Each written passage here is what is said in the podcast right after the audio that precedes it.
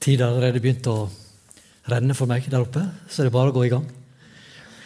Eh, vi satt og spiste middag i går, og så eh, min kjære datter Amalie på 18 år snart hun la oss, noen oppgaver som står på melkekartongen. og etter det var, var Hvilket land er det største i areal? Og Jeg sa jo det må jo være Sovjet, og så begynte hun å le. Sovjet, Yngve. Pappa, det er 30 år siden snart. Russland. Jeg visste jo det da, egentlig. Men sånn kan altså land og begrep forandre seg. Og det kan jo hende det handler litt om noe som har endret seg også, i forhold til det begrepet vi skal ha opp. Så dere ser her Guds rike, Guds kraft eh, og Guds kjærlighet, på svensk kalt populært 'Love Actually'. Og Det er litt av temaet i dag. Og Jeg har fått en veldig vanskelig tekst, en utfordrende tekst. Jeg syns det er den vanskeligste i hele bergpreika. Eh, så be gjerne for meg. Eh, vi har det vi holdt på med i høst. Vi holdt på med bergpreiker, en tale hvor Jesus går inn, eh, underviser disiplene sine. Men før jeg sier så mye mer, så leser vi teksten, og så skal vi se på helheten etterpå. Dere har hørt det sagt. Du skal ikke bryte ekteskapet, men jeg sier dere, den som ser på en kvinne for å begjære henne, har allerede begått ekteskapsbrudd med henne i sitt hjerte. Om ditt høy høyre øye lokker deg til fall, så riv du ut og kast det fra deg. For det er bedre for deg å miste én kroppsdel enn at hele kroppen blir kastet i helvete. Og om din høyre hånd lokker deg til fall, så hugg den av og kast den fra deg. For det er bedre for deg å miste én kroppsdel enn at hele kroppen kommer til helvete. Det er sagt, den som skiller seg fra sin kone, skal gi henne skilsmissebrev. Men jeg sier dere, den som skiller seg fra sin kone av noen annen grunn enn hun, han blir skyldig at det begås ekteskapsbrudd med henne. Og den som gifter seg med fraskilt kvinne, bryter ekteskapet. Hørte dere jeg sa? Oh, help him, Lord. Ja, veldig bra. For det er en, virkelig en saftig tekst, og en tekst som jeg tror ingen av oss ikke blir utfordra av. Eh, og Nå skal vi stupe inn i det og håpe jeg å kunne få si noe om en retning, eh, og ikke kunne ta og svare på alle eventualiteter og utfordringer som ligger ved siden av her. Men, men Jesus han eh, kom, og han sa himlenes rike kom nær. Guds rike. Det kom noe nytt. Og når du er i et annet land Vi var nylig for første gang i mitt liv jeg har passert 50 år, måtte jeg dra på chartertur. Det var en artig opplevelse, det òg. Eh, Spania kom til et nytt land, Mallorca, og det var en annen atmosfære. Andre lukter, en helt annen varme. Det var det deiligste. noe av det. Eh, alt er nytt, alt er annerledes et annet land. Og Sånn er det med det nye landet som Jesus kommer med. Det nye riket. Det er noe nytt. Det er noe annerledes. Og Derfor så bruker Bibelen to begrep. Han sa vend om, snu om, få en ny retning for livet. For det er et annet rike som er kommet nær. Kom inn i det nye riket. Og Et annet begrep som vi bruker, det er få et nytt sinn. Få et nytt syn. Begynn å tenke annerledes. Ikke bare handle annerledes, men tenk annerledes. Og Det er der Jesus sier at han drar til seg disiplene sine, samler dem på, på berget der, denne sida som går ned mot Galileasjøen. Og Der sitter han og så begynner han å undervise disiplene. Så kommer en del andre til, men det er disiplene sine han underviser i bergpreika. Og så sier han noen ting her. Dere har hørt det jeg har sagt. Skal vi se om vi får det fram her. Dere har hørt det jeg har sagt, men jeg sier dere. Og Det har han sagt en par ganger før også. Og Jesus er utrolig radikal. Like før så har han sagt du skal ikke slå i hæl, har dere hørt det sagt. Men jeg sier dere noe helt annerledes. Noe nytt. Ja, Hva er det nye, da? Det noe, skal, skal vi, nå skal vi slå i hæl nå? Nei, det nye er, sier Jesus, at det er engang ikke lov til å kalle noen en idiot. Fordi at i det riket, det nye riket, så handler ikke det først og fremst om de ytre nei-grensene. Men det handler om den retninga som ja-livet går i. Og Hvis jeg skal til Stavanger, så begynner ikke jeg med å si jeg skal ikke til Oslo. Ok, det er en ok vei. Men det beste er å si hva jeg skal, hva er retninga. Og Jesus han sier at du skal ikke slå i hjel, har dere hørt det sagt. Men jeg sier dere noe nytt, noe radikalt annerledes. Den som ser ned på noen, har allerede drept. Fordi i mitt rike så handler ikke det først og fremst om handlingene, hva du gjør, men det handler om hvem du er. Fordi at det, den du er, vil igjen springe ut av handlingene dine. Er, er dere begynt å bli litt utfordra allerede? Ja, Noen som er skyldig? Ja. Dette er Jesus sitt liv. Jesus sitt radikale disippelundervisning til, til hans folk om det nye riket vi går inn i. Og Det er derfor at det defineres ikke av, det defineres av retninga vi går i. Det handler ikke altså ikke om å slå i hjel, men det handler om alt som ødelegger fellesskap. Alt som ødelegger relasjon. Fordi Jesus han vil fellesskap. Han vil ikke brutte relasjoner. Og derfor, Hvis du til og med er på en gudstjeneste sier han like før, og du kommer på at det er noe som har noe imot deg, kom deg hjem igjen. For det er viktigere å gjøre opp relasjonen enn å sitte der og tilby og lovsynge eller stå her framme og preike eller synge. Det er noe som er viktigere. Det handler om relasjon. Det handler om fellesskap. Og det er det kjærlighet handler om. Kjærlighet handler om fellesskap. Og Derfor er det en sånn radikal kjærlighet som Jesus kom med her. Begynner dere å ane konturene? Og Da er vi inne i dagens tekst. Jesus sier dere har hørt det sagt, du skal ikke bryte ekteskapet. Men jeg sier dere Og her er det Jesus som sier det. Jesus tar loven. Han kommer ikke med en ny lov. Han definerer hva som ligger der. Han går inn i hjertet av det, djupt, djupt, djupt ned i det som ligger inni hjertene våre. Og så sier han at altså, bryte ekteskapet det handler om yttergrensene. Men jeg sier dere noe helt annet. Det handler om noen innergrense. Det handler om et fokus. Det handler om en retning. Det religiøse den vil si jeg har ikke vært utro mot ektefellen ektefellene mine. Jeg har liksom vært der. Men Jesus arresterer det og sier bryt ekteskapet. Hvis du lever i et ekteskap med hardhet i hjertet ditt, hvis du lever der med, med surhet, du, du lever med atmosfære av negativitet, så er du på feil kurs. Noen som blir utfordra? Nei, nei. Ok, vi skal fortsette, da. For det handler om retning, det handler om fellesskap, det handler om liv. Det handler om en radikal kjærlighet. Så handler det bare om at du får til en par ytre handlinger. Eh, og Derfor så sier Jesus at å bryte ekteskapet nei, nei, nei, det handler om, det er en yttergrense. Det er klart du skal ikke bryte ekteskapet. Men i mitt rike er det et annerledes rike. Der er det min kjærlighetsråd. Det er min radikale kjærlighet.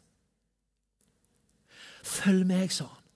Og Derfor så handler det om at bare den som ser på en kvinne med begjær etter en mann som ser på en kvinne med begjær, har allerede gjort ekteskapsbrudd i hjertet. Fordi det gjør noe med relasjonen. For da bryter du noe her innvendig. Og Så kan du utvendig si at 'jeg har aldri vært utro', men har du noe innvendig her som går i feil retning i forhold til samlivet ditt, ja, så er du på ville veier. Og Jesus sier ikke yttergrensene, men retninga. Ser dere? Det Jesus ikke sier her, det er at hvis du på, du som mann ser på ei vakker kvinne og syns 'oi, hun var fin', eller du som mann, kvinne ser på en flott mann 'Å, han var flott', eller, eller 'han var sjarmerende'. Det handler ikke om det.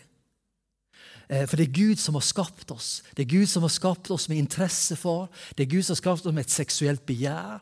Så vi, altså ikke, vi synder ikke ved å ha et seksuelt begjær. Det er Gud som har skapt det. Og Her har det kanskje vært lagt veldig masse feil bører på veldig mange. Så Derfor kan du fryde deg over det. Over det du ser, over det vakre i Guds natur. Eh, og jeg må si jeg syns Gud gjorde en god jobb når han skapte kvinnen.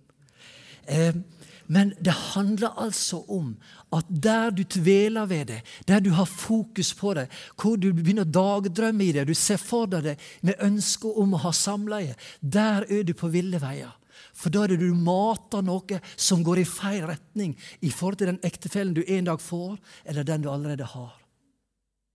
Så radikalt er Guds kjærlighet. Det handler altså ikke om bare noen ytre regler, men det handler om et indre liv som vil fellesskap. Derfor sier han, du har hørt det sagt, men jeg gir dere et nytt rike. Følg meg, sier Jesus. Og Dette her kan ikke dere få tak i. Det sa jo til han Nikodemus, da, populært også kalt Nikodemus. Hvor Jesus sa til ham at dette her kan ikke du se uten at du er født på ny. Du får ny fødsel. Du fødes inn. Du får Guds, den hellige ånd, på innsida. Og Det handler ikke om å prøve å få til noe. Det handler ikke om en religiøs aktivitet, men det handler om en bønn i ditt hjerte, hvor du ber Gud følg meg, så jeg kan følge deg. Og at ditt rike kan vises i alle mine relasjoner, også i samlivet. Du har hørt det sagt, men jeg sier dere Så djupt går han. Så å, se på en kvinne med begjær igjen handler altså om retninga. Og det handler om hjertet vårt. Og igjen Hele bergpreika avslører Jesus, hjertet vårt. Eh, og Den teksten her utfordrer meg veldig masse, men er andre tekster i bergpreika som utfordrer meg enda mer. Er utrolig radikalt. Og hva Handler det om at jeg lever opp til det her, eller får det til? Nei, det handler ikke om at vi skal få det til, men det handler om at vi skal, vi skal følge. Og vi skal be Gud om nåde, og det trenger vi. Jeg trenger det. Gud, jeg ønsker, trenger din nåde, sånn at jeg kan gå den retninga. Jeg trenger ikke din nåde for å fortsette å leve sånn, med hardhet, med kaldhet, med sårhet, med bitterhet eller la seksuell begjær få lov til å få rom eller plass på noen måte som drar meg bort fra ektefellen. Det handler ikke om det. Det handler ikke om nåde til å fortsette, men det handler om nåde til å snu opp, få en ny retning. Og Da trenger vi Guds nåde, og vi trenger én ting til, og det er Guds kraft. Den hellige ånds kraft. Det er det vi trenger. I alle fall jeg. Og Det er derfor da Jesus sier dette her med at om, høyre, om ditt eh, øye lokker deg til fall osv. Dette kan høres veldig radikalt ut, og er veldig radikalt. Jesus mener altså ikke her at vi skal kutte av oss armen. For jeg tror det at det var mange her som burde kutte av seg armen sin. da. Og kanskje også et par øyne, og jeg tror faktisk et par hoder også burde kuttes av. Så, så, poenget er ikke det. Poenget er det at Jesus sier det at den religiøse vil gjerne tenke sånn at ved å kutte av armen, så har de løst problemet. Og Noen religiøse sier at ja, men da bare slipp å se på kvinnen. altså hvis det var en mann da. Bare slipp å se på kvinnen, La meg isolere og, og bare være sammen med henne, så har de løst problemet. Som det var et problem. Poenget er at det er hjertet vårt. Det er her inne det avsløres. Så hele poenget til Jesus er at det nytter jo ikke. Hadde det nytta, så ville måtte dere gått og gjort alle sammen. For det er noe som er viktigere, nemlig det evige liv. Det handler om å ikke gå fortapt. Det handler om å være en del av Guds rike. Poenget er Jesus sier det, han avslører og bare sier at nei da, det er ikke det som er poeng å kutte av. For det har ingen poeng allikevel. Det hjelper ikke å kutte av handa di eller rive ut øyet ditt, eller for den som skyld kutte av hodet ditt. Det er klart, Da er du rimelig død. da. Men, eh, men, det handler om ditt indre liv, og det er det som avsløres. Et så radikalt liv. Og Derfor sa Jesus like foran det jeg nå refererte til i stad, hvis ikke deres rettferdighet overgår fariserene, Betydde det at de skulle være mer pliktoppfyllende og mer lydige og få til mer et religiøst liv og lese mer i Skriften og be mer og mer, gi mer penger? Nei, Jesus sier det handler om en ny fødsel. Helt annerledes. Det handler om å leve transparent, det handler om å leve åpent. Det handler om at Gud får lov å forandre deg innenfra, og ikke de religiøse ytre reglene og budene. Om ditt høyre øye lokker deg til far, så riv det ut. Og så kommer Jesus inn på det vanskelige her. Virkelig Det er, det er sagt den som skiller seg fra kona, sin kone, skal gi henne skilsmisse. Men jeg sier dere. Her ser vi igjen Jesus sier noe. For på den tid var det sånn nemlig at, eh, at eh, det, var, det, var, sånn de gjorde at som, Hvis en ville skille seg, så ga en et brev. På jødisk tid var desidert mannen enormt favorisert i samlivet. Så på mange måter så drar Jesus det inn helt radikalt. Og jeg lager noe radikalt nytt mellom mann og kvinne. egentlig. Det får ikke vi tid å gå inn på her. Men, men på den tid så ga han en kvinne skilsmissebrev, og dermed så var på en måte begge to fri til å gifte seg igjen. Og Hvis du tenker at de ordene her Den som skiller seg fra sin kone, skal gi henne skilsmisse. Men jeg sier dere, den som skiller seg fra sin kone har noen annen grunn enn henne. Her ser det ut som Jesus gir altså kun én grunn til å skille, skille seg. Hørtes det radikalt ut? Og det var det flere som syntes òg. For det kan se ut som om det var noen fariseere som hørte på det Jesus sa. For bare i noen i 14 kapittel senere så leser vi nemlig en tekst hvor de kom tilbake igjen, ser ut til. Og da ville de sette ham på prøve. De ville sette Jesus på prøve. De var ikke interessert i å få svar på spørsmålene, men de ville bare teste han ut. Nettopp omkring dette her med skilsmisse og gjengifte. Um, og Da utdyper Jesus en del ting, og vi kan ta og lese den teksten her. Noen fariseere kom til Jesus for å sette ham på prøve, og de spurte har han med lov til å skille seg fra sin kone av hvilken som helst grunn. Og Bakgrunnen var at det var to retninger innen jødedommen. Den ene retninga var veldig liberal, og det var egentlig bare sånn at bare mannen hadde liksom et eller annet mot. og Grøten ble svidd, eller altså det var bare et eller annet time out. liksom. Var så var det bare å sende noen fra seg, og da var det bare å gå videre. Men så var det en mer konservativ retning, som da mente at nei, det, det, må ikke være det. Det må være større grunner og mer alvorlige grunner. Og da ikke minst det her med utroskap. da skulle være det. Så det var jo en, en, en de, de, debatt her. Kjenner dere det igjen? Det er jo en debatt i vår tid òg, ikke det? Um, og så Derfor vil jeg bare teste ut her. Dette er vanskelig, dette her er det masse konflikter. La oss teste Jesus. Så svarer han inn i situasjonen. da. Har dere ikke lest at Skaperen fra begynnelsen av skapte dem som mann og kvinne og sa:" Derfor skal mannen forlate far og mor og holde fast ved sin kvinne, og de to skal være én kropp. Så er det ikke lenger to, de er én kropp. Og det som Gud har sammenføyd, skal mennesket ikke skille. De spurte ham hvorfor hadde Moses bestemt at mannen skal gi henne skilsmissebrev før han sender henne fra seg. Han svarte fordi dere har så harde hjerter, har Moses tillatt dere å skille fra konen deres. Men fra begynnelsen av var det ikke slik. Jeg sier dere, den som skiller fra sin kone av noen annen grunn enn hor, og gifter seg med en annen, han begår ekteskapsbrudd. Disippelen sa til ham, er det slik mellom mann og kvinne, er det bedre å ikke gifte seg. Men han svarte, dette er noe ikke alle kan ta til seg, men bare de som er gitt. For noen er evnukker fordi de er kommet slik fra mors liv, andre fordi mennesker har gjort dem til evnukker. Men det er også noen av, som har gjort seg selv slik en evnukk, for himmelrikets skyld. La den som kan, ta dette til seg. Dette er utfordrende ting. Men vi skal prøve å se på noe av de vanskelige tingene som teksten berører. Men han ville sette dem på prøve. Og da vi skal merke oss det første Jesus sier der, eh, har dere ikke lest? Hva Jesus gjør her? Han går tilbake til Skriften. Her var det et spørsmål. Det handler om livet. Det handler om Guds rike. Og så svarer Jesus, har dere ikke lest? Kjære venner. Når dere nå skal samtale om det her i cellegruppen i menigheten, om de vanskelige tingene, da utferder dere Prøv å la teksten få lov til å tale. Prøv å gå tilbake til Skriften. Når du hører det blir debutert og samtalt, prøv å høre. Hva er begrunnelsen? For hvis ikke, så havner vi lett inn i våre følelser. Vi havner lett inn i vår tids oppfatning av ting. Eh, derfor så blir det en utfordring. Og Jesus gjorde det. Har dere ikke lest? Han lot ikke seg rive med av hva slags press han kom inn i. Han sto der støtt. Han forholdt seg til det som var Guds ord, og der han ikke utdypa det på andre måter. Men snarere tvert imot. Han radikaliserte på veldig mange måter det som var dens praksis. Har dere ikke lest at Skaperen fra begynnelsen av skapte dem som mann og kvinne. Fra begynnelsen av. Og det er der vi kommer tilbake igjen til det. Guds rike går tilbake igjen til begynnelsen. Guds rike er en gjenopp, tilbake igjen til det Gud opprinnelig hadde tenkt. Det er det han holder på med. Derfor lærer Jesus oss å be la ditt rike komme. Ikke sant? Det, la det rike som du egentlig planla ved skapelsen av, men som gikk unders pga. syndefallet, la det riket komme. Og det begynte å komme med Jesus. Og ved hans radikale kjærlighet.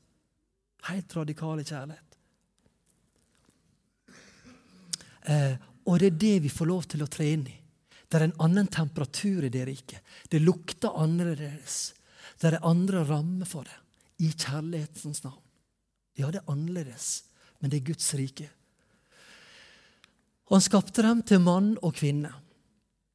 Når Jesus definerer samlivet mellom, eh, eller det seksuelle samlivet, han tar opp hva sex gjør med oss, eh, og hvilken ramme det skal være, så forteller han og forklarer han det. Gå tilbake til begynnelsen. Sånn hadde jeg tenkt. Og da sa han det var det mann og kvinne. Eh, ikke mann og mann, og ikke kvinne og kvinne. Og Det er utrolig radikalt å si i vår tid. Eh, og Det er utrolig sterke ord som blir brukt, og både menneskehater og alt mulig som kan være i det. Og Hvis du tolker og ser annerledes på det, så er det ditt valg. Det er sånn som du må stå for. Men så langt jeg kan se Guds ord, så er det det Jesus gjør. Han går tilbake til begynnelsen. Han legger rammene inn med mann og kvinne. Gud skapte kjønnspolariteten. Det var ideen av hans eh, design for skaperverket. Og så er det mange vanskelige ting i det. Det er såre ting vi kan komme inn i. Og Noe av det er det som er så viktig å tilhøre menighet, sånn at det ikke alltid bare fra talerstolen man kan diskutere og samtale og be for hverandre i fellesskap. Det er utrolig viktig. Det handler om ikke bare å gå til kirke, men å leve fellesskap og leve menighet. I de gode tingene og de vanskelige tingene. Det som utfordrer, og det som inspirerer. Og så kan vi hjelpe hverandre. Og så blir det brukt og sagt det at ja, men, men, eh, men, men Jesus, han, Det står jo ikke noe om, om homofili blant, som Jesus snakker om. Eh, og det er helt riktig, Jesus snakker ikke om det, men han går jo tilbake igjen til begynnelsen. Og Det er vanskelig å lage en teologi ut ifra det som Jesus ikke sier noe om, hvis ikke teksten gjør rom for det. Og Det kan ikke jeg se den gjøre. Andre sier at eh, Paulus kjente ikke til ekte homofili, for Paulus er veldig tydelig veldig tydelig i teksten sin, hvor han sier at det er ikke riktig å leve sammen som mann og mann og kvinne og kvinne. Eh, og så har vi hatt besøk vi her av en professor i Det nye testamentet, som selv er homofil, og som er veldig tydelig.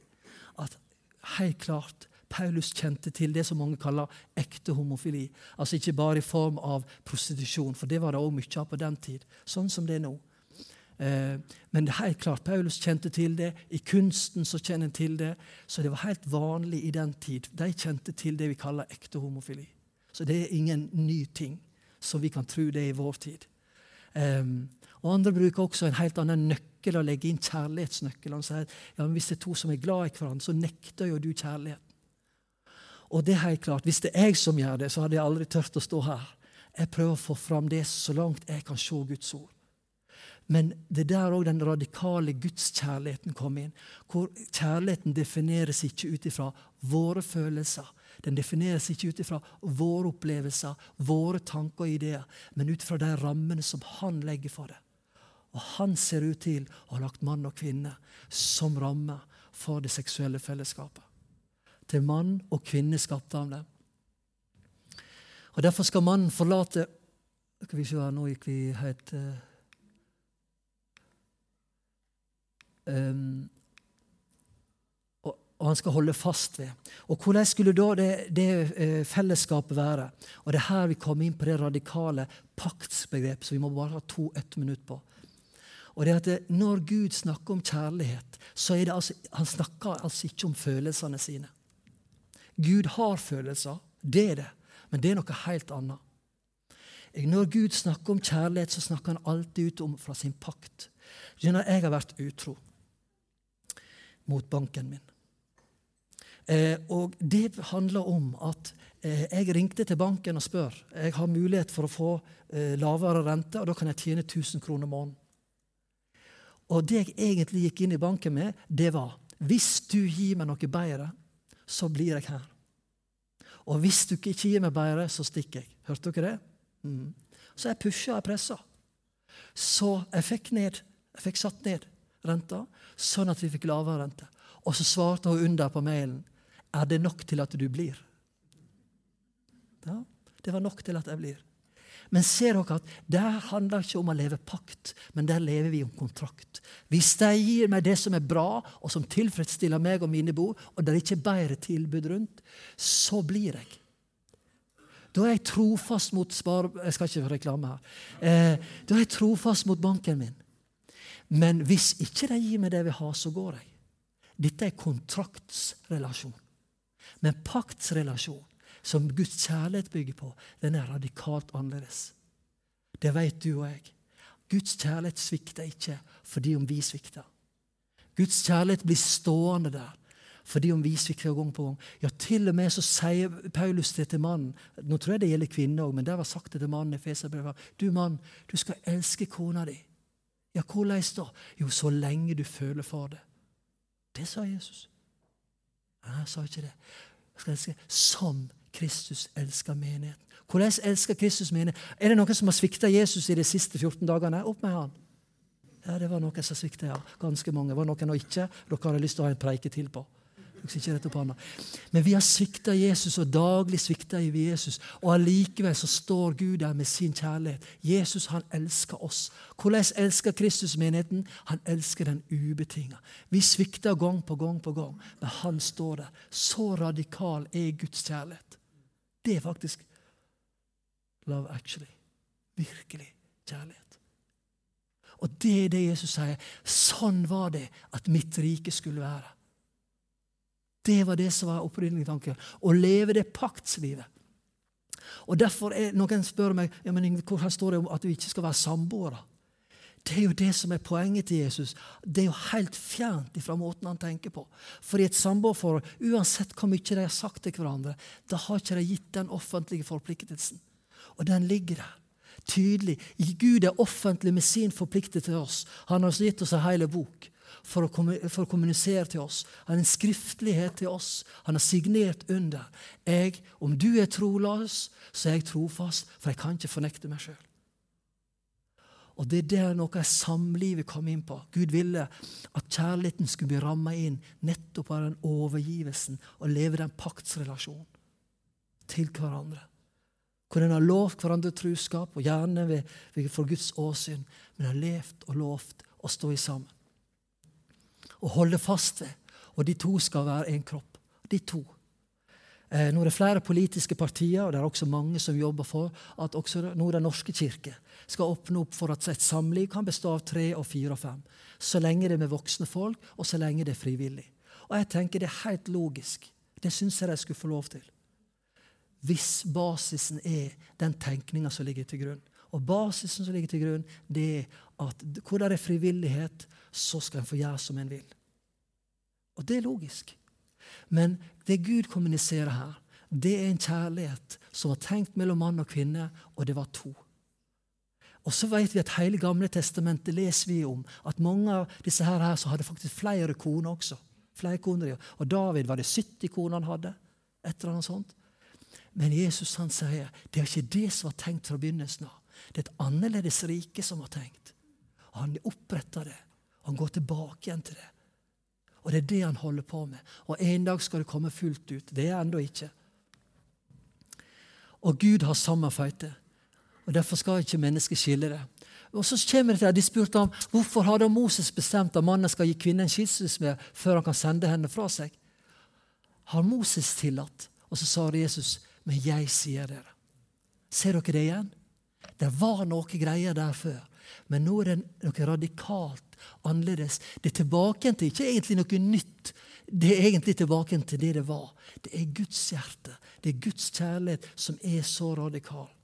Og Den kommuniseres til oss, og vi lever av det ånder av det hver dag. At Gud lever i det. Og så har vi tenkt å leve ut de relasjonene. På, på, forskjellige måter, men å leve ut paktsliv. I forhold til, går det an å leve i forhold til kollegaer og i forhold til venner og på en annen måte i forhold til også til samlivet. Har Moses tillatt? Ja, Moses gjorde det. Og Det var pga. harde hjerte. Men jeg sier dere, den som skiller seg fra noen annen grunn enn hor og gifter seg med en annen, begår ekteskapsbrudd. Så kommer Jesus altså igjen inn på det radikale. Hvordan da med å skille seg og gifte seg på nytt? Og her er Det utrolig, det er mange vanskelige teologiske emner i disse tingene når du dukker inn i teksten litt av det, hva ord Jesus bruker på gresk. her. For han bruker et litt annerledes ord for dette her med hor også, enn det som er vanlig. Eh, men jeg har lyst til å bare gi noen overordna refleksjoner og tanker inn i det her. Eh, uten å gi altfor mange svar. Eh, men det som ser ut til at Bibelen gir, det er at han gir veldig lite rom for å skille seg. Veldig lite. Og ut fra bibeltekstene i seg sjøl så ser det ut til at her er det bare én grunn.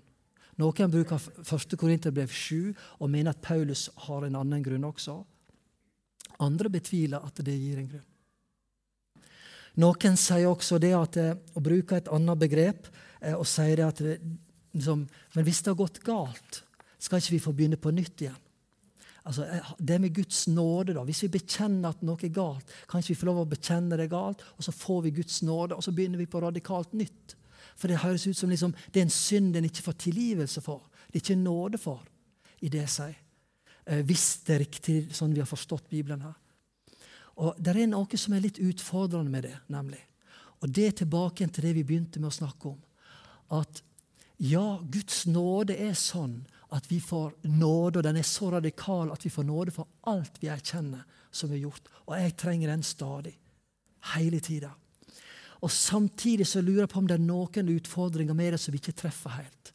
Fordi at det, hvis vi noe har gjort opp altså Hvis jeg har stjålet noe fra noen eller gjort noe veldig ille, og så erkjenner jeg det, eller jeg òg blir en kristen Nesten sånn som han som sendte skattesjefen som åpna en, en konvolutt med 10 000 kroner i det, og så sto det en lapp at eh, jeg har snytt på skatten, og, men jeg har blitt en kristen, og jeg har ikke fått sove lenger, så derfor så sender jeg her 10 000 kroner som jeg har snytt på skatten. Og så skrev han under PS hvis jeg fortsatt ikke får sove, sender jeg resten. Um, men, men, poenget mitt er altså at jeg, at jeg får lov til å um, Vi får nåde for alt vi gjør, men det betyr jo ikke at ikke vi ikke kalles til å vende om og gjøre opp relasjon. Og Det er der jeg lurer på om vi misser noe av det. For Guds nåde er så radikal at den tilgir oss alt. Men den er så radikal også at den utfordrer oss til å leve paktslivet. Og paktslivet er trofasthetspakt.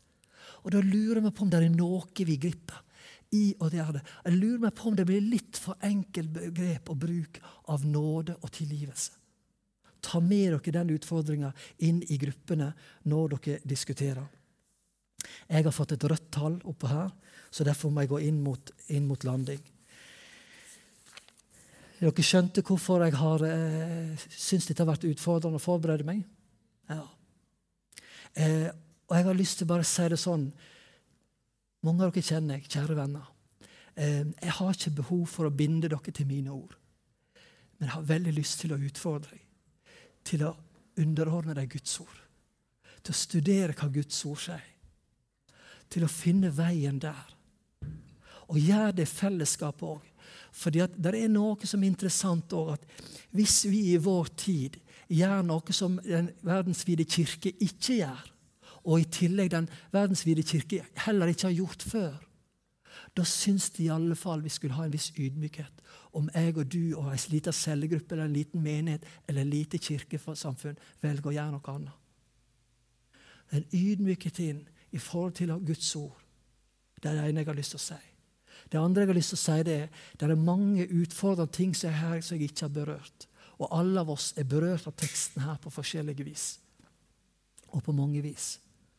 Eh, og det som er det gode her, det er at intensjonen min har aldri vært, og jeg har prøvd å ikke, og det ligger ikke i meg heller, til å dømme noen som helst. For jeg har ingen grunn til å dømme noen. Jeg har bare lyst til å prøve å peke på en vei som jeg tror Guds ord sier.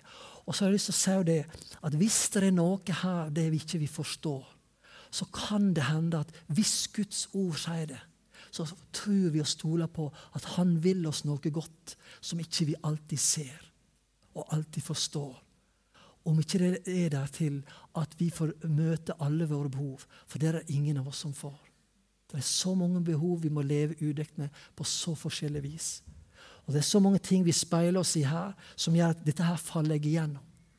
Men det at jeg faller igjennom på noen av de punktene her, det gjør ikke at jeg ikke kan stå her og formidle det. Men jeg trenger å vende meg om. Å vende meg om og be Gud hjelp meg og gi meg kraft til å gå din vei og ditt ord. Og da har han lovt sitt nærvær, og han har lovt Den hellige ånds kraft skal vi be. Far, vil du bare komme med din ånd til hver enkelt akkurat nå. Du ser vi har berørt noen av de virkelig dype tingene i livet på forskjellig vis. Ting som handler om fellesskap, det handler om relasjon, det handler om seksualitet. Det handler om nåtid, fortid og fremtid. Vil du komme med din ånd, fylle oss jeg har lyst til å be om at det i gruppene skal være enormt masse. Et nærvær av din raushet, men også en nærvær av din, din, sannhet. For du sa i ditt ord at du ba for dine disipler. Vil du hellige deg i din sannhet? Vil du innvie deg? Vil du la mine venner og mine disipler få komme på innsida av det som er sant? For bare der ligger livet. Når vi får møte deg og ta imot din nåde og en ny retning og tenke annerledes. Så kom og fyll hver enkelt samling som skal være, hvor det blir samtalt. Herre. La oss ha en ydmykhet overfor hverandre, men òg ikke minst en ydmykhet overfor ditt ord, Herre. Du hellige oss i din sannhet. Her vil du hjelpe oss til både å være sannheten tru i kjærlighet.